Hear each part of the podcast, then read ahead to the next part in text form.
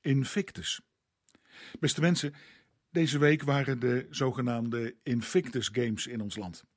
Waarin oorlogsveteranen, die tijdens hun militaire inzet gewond zijn geraakt, met elkaar en met zichzelf een sportieve strijd aangaan als onderdeel van het proces van herstel en aanpassing van hun leven met hun fysieke en mentale verwondingen. Het gaat dus daar niet alleen om de medailles, maar vooral om oefening in doorzettingsvermogen, omgaan met je beperkingen, groei in mentale en fysieke kracht, steun aan elkaar hebben in onderlinge solidariteit en herkenbaarheid. Een mooi en waardevol project dus, mede op de rails gezet door prins Harry, die nu als hertog van Sussex door het leven gaat. Natuurlijk krijg je nog meer bewondering en waardering voor mannen en vrouwen die een hoge prijs betaalden voor de vrede in de wereld, zoals nu in de Oekraïne. Maar ook op zoveel andere plaatsen in de wereld in de frontlinie stonden en staan voor vrede en gerechtigheid. Mannen en vrouwen die zich dus niet gewonnen gaven in fictus, ook niet in het soms levenslange revalidatieproces dat daarna kwam.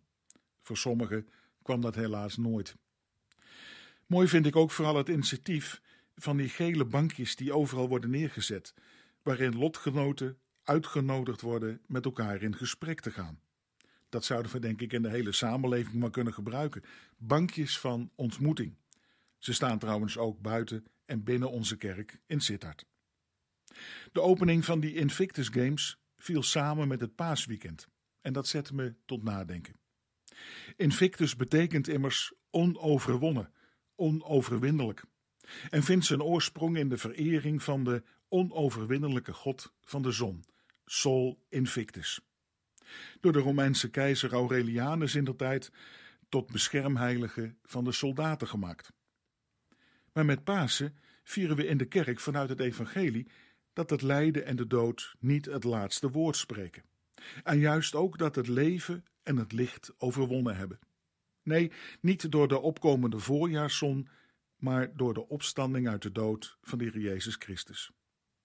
In de kerk zongen we met Pasen van de overwinning, de victorie, van het leven op de dood, die sterker is dan alle destructieve menselijke machten en krachten van geweld, haat, oorlog en zonde.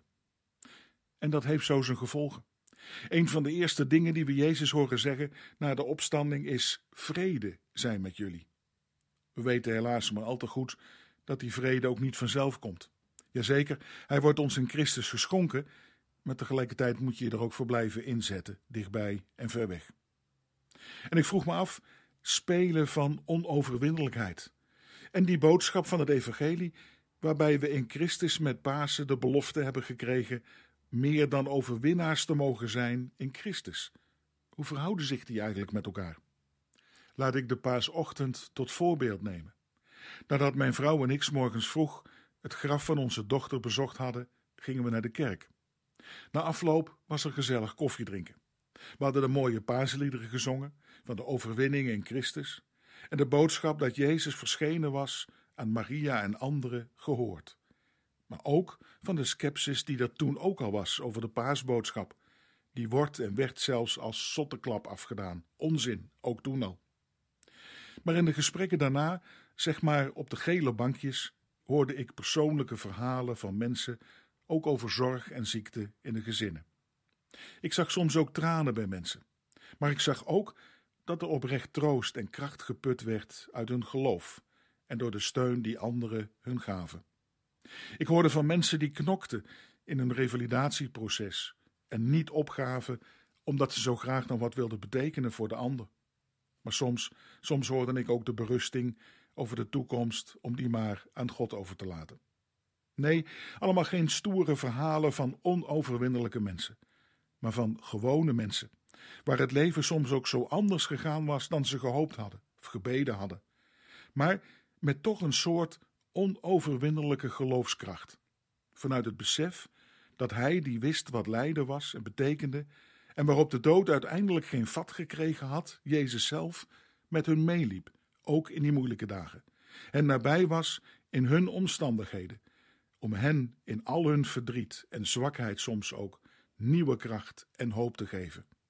En dat maakte ze tot meer dan overwinnaars in Christus.